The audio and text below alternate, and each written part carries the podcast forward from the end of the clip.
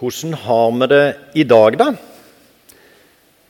Er det ikke sånn legen sier når han kommer på legevisitt? Ja, hvordan har vi det i dag? Og det er jammen et betimelig spørsmål.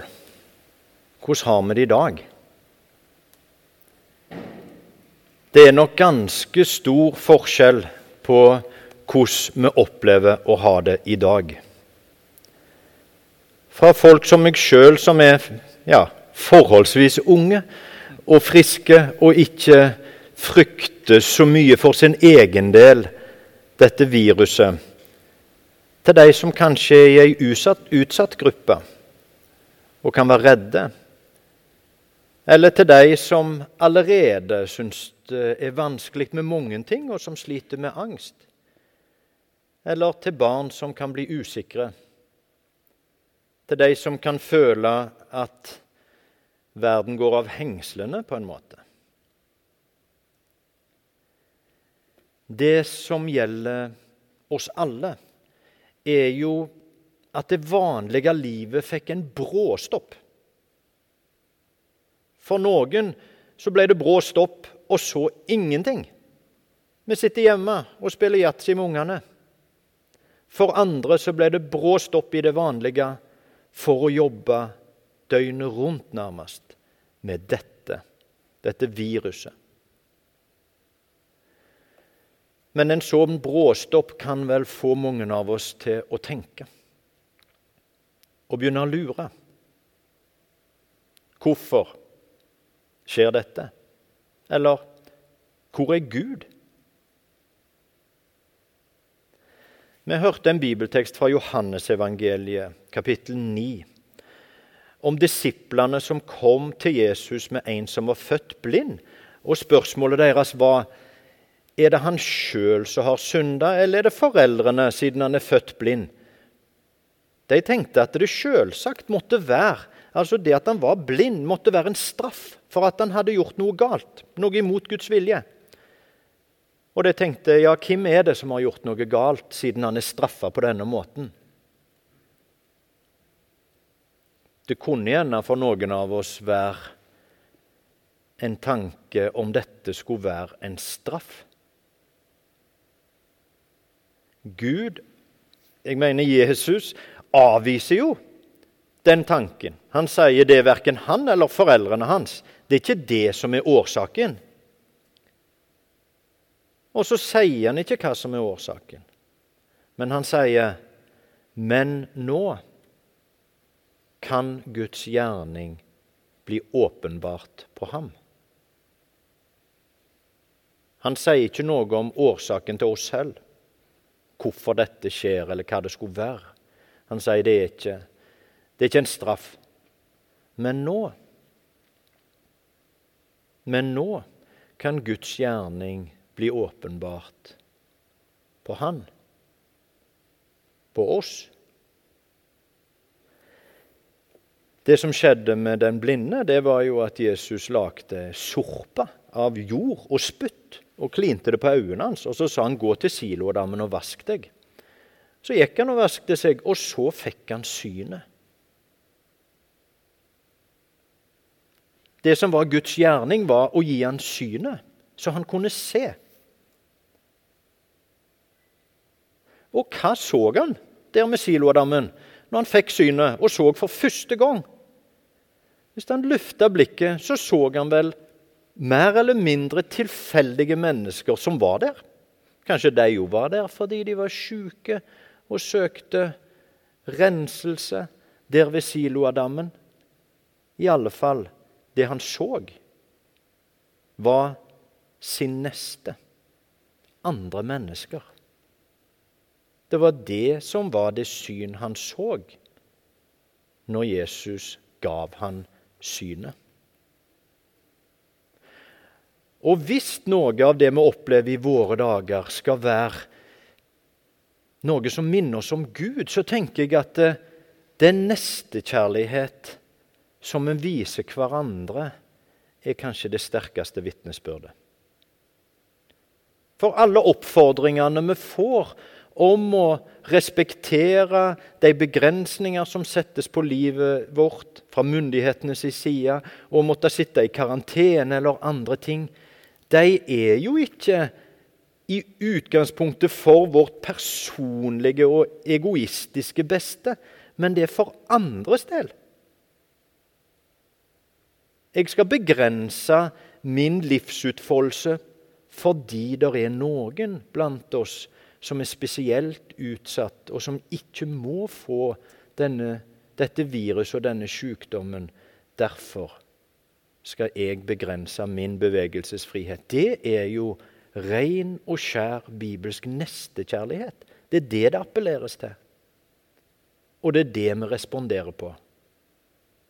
Vi viser nestekjærlighet. Etter at den blinde hadde fått synet og sett sin neste, så så han jo òg Jesus. Han møtte jo Jesus igjen, litt seinere i denne fortellingen. Og Jesus spør han, ja, tror du på menneskesønn? Ja, hvem er det, da? spør han. Ja, det er meg. Det er jeg som snakker med deg. Det var jeg som gjorde deg frisk. Ja, da tror jeg på deg. Sjølsagt gjorde han det. Og han trodde ikke på en famlende og, og liksom usikker måte. Han var overbevist. Han skjønte at det gikk opp for han hvem Jesus var. På den måten trodde han. Spørsmålet er om vi er blinde. Er vi blinde? Eller i det minste svaksynte? Eller forvirra. Vi viser nestekjærlighet, men samtidig så hamstrer vi.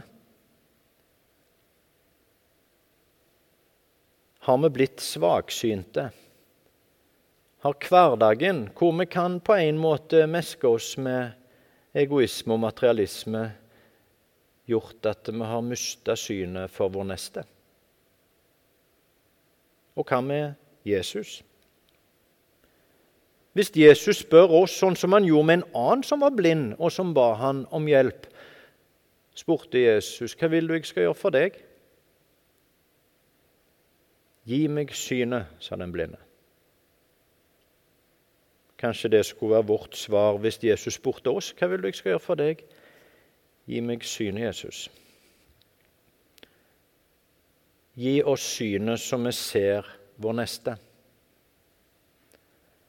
Gi oss synet sånn at vi gjør alt som står i vår makt for vår nestes beste. Kosta hva det kosta vil. For når vi får synet og klarere enn noen gang ser hva som virkelig teller, ja, da trør vi til. Da respekterer vi alle begrensninger som settes på oss for å beskytte vår neste. Da melder vi oss parat til frivillig tjeneste om det er behov for det. Da ringer vi noen som trenger noen å snakke med, de som er alene, og som ikke lenger kan få besøk. Da elsker vi vår neste som oss sjøl, koste hva det koste vil. Og så vil vi hvis Gud gir oss synet, se Jesus. Vi ser at vi er skapt, at vi ønsker, at vi elsker. Vi ser at vi er ikke forlatt. Vi ser at Gud er hos oss. At han er med oss. Han gir oss styrke og trygghet. Vi ser at vi blir møtt med nåde. Nåde som gjør oss nådige mot hverandre. Nåde som frir oss fra det vi drar på av historie og vanskelige ting. Nåde til å tjene Gud og vår neste. Og vi ser at vi kan be. Vi kan be. Vi kan henvende oss til Gud i bønn for hverandre. I bønn for de som regjerer og styrer og har ansvar. I bønn for helsepersonellet vårt. I bønn for de redde, for de svake, for de utsatte. Og bønn, det gir oss trygghet. Det gir oss omtanke for hverandre. Og så er det gudskontakt. Gud kan vi ha nærkontakt med i bønn.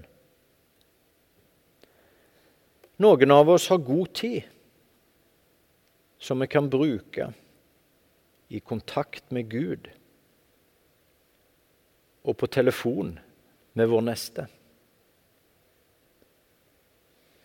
Hvis det er sånn at denne krisen skulle bli en anledning for oss til å få synet, eller til i det minste å klare synet, ja, så ser vi at det er håp og framtid for oss.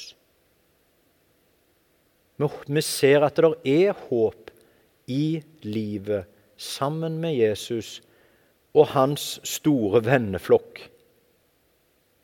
Og vi ser at det er håp utover dette livet, i evigheten.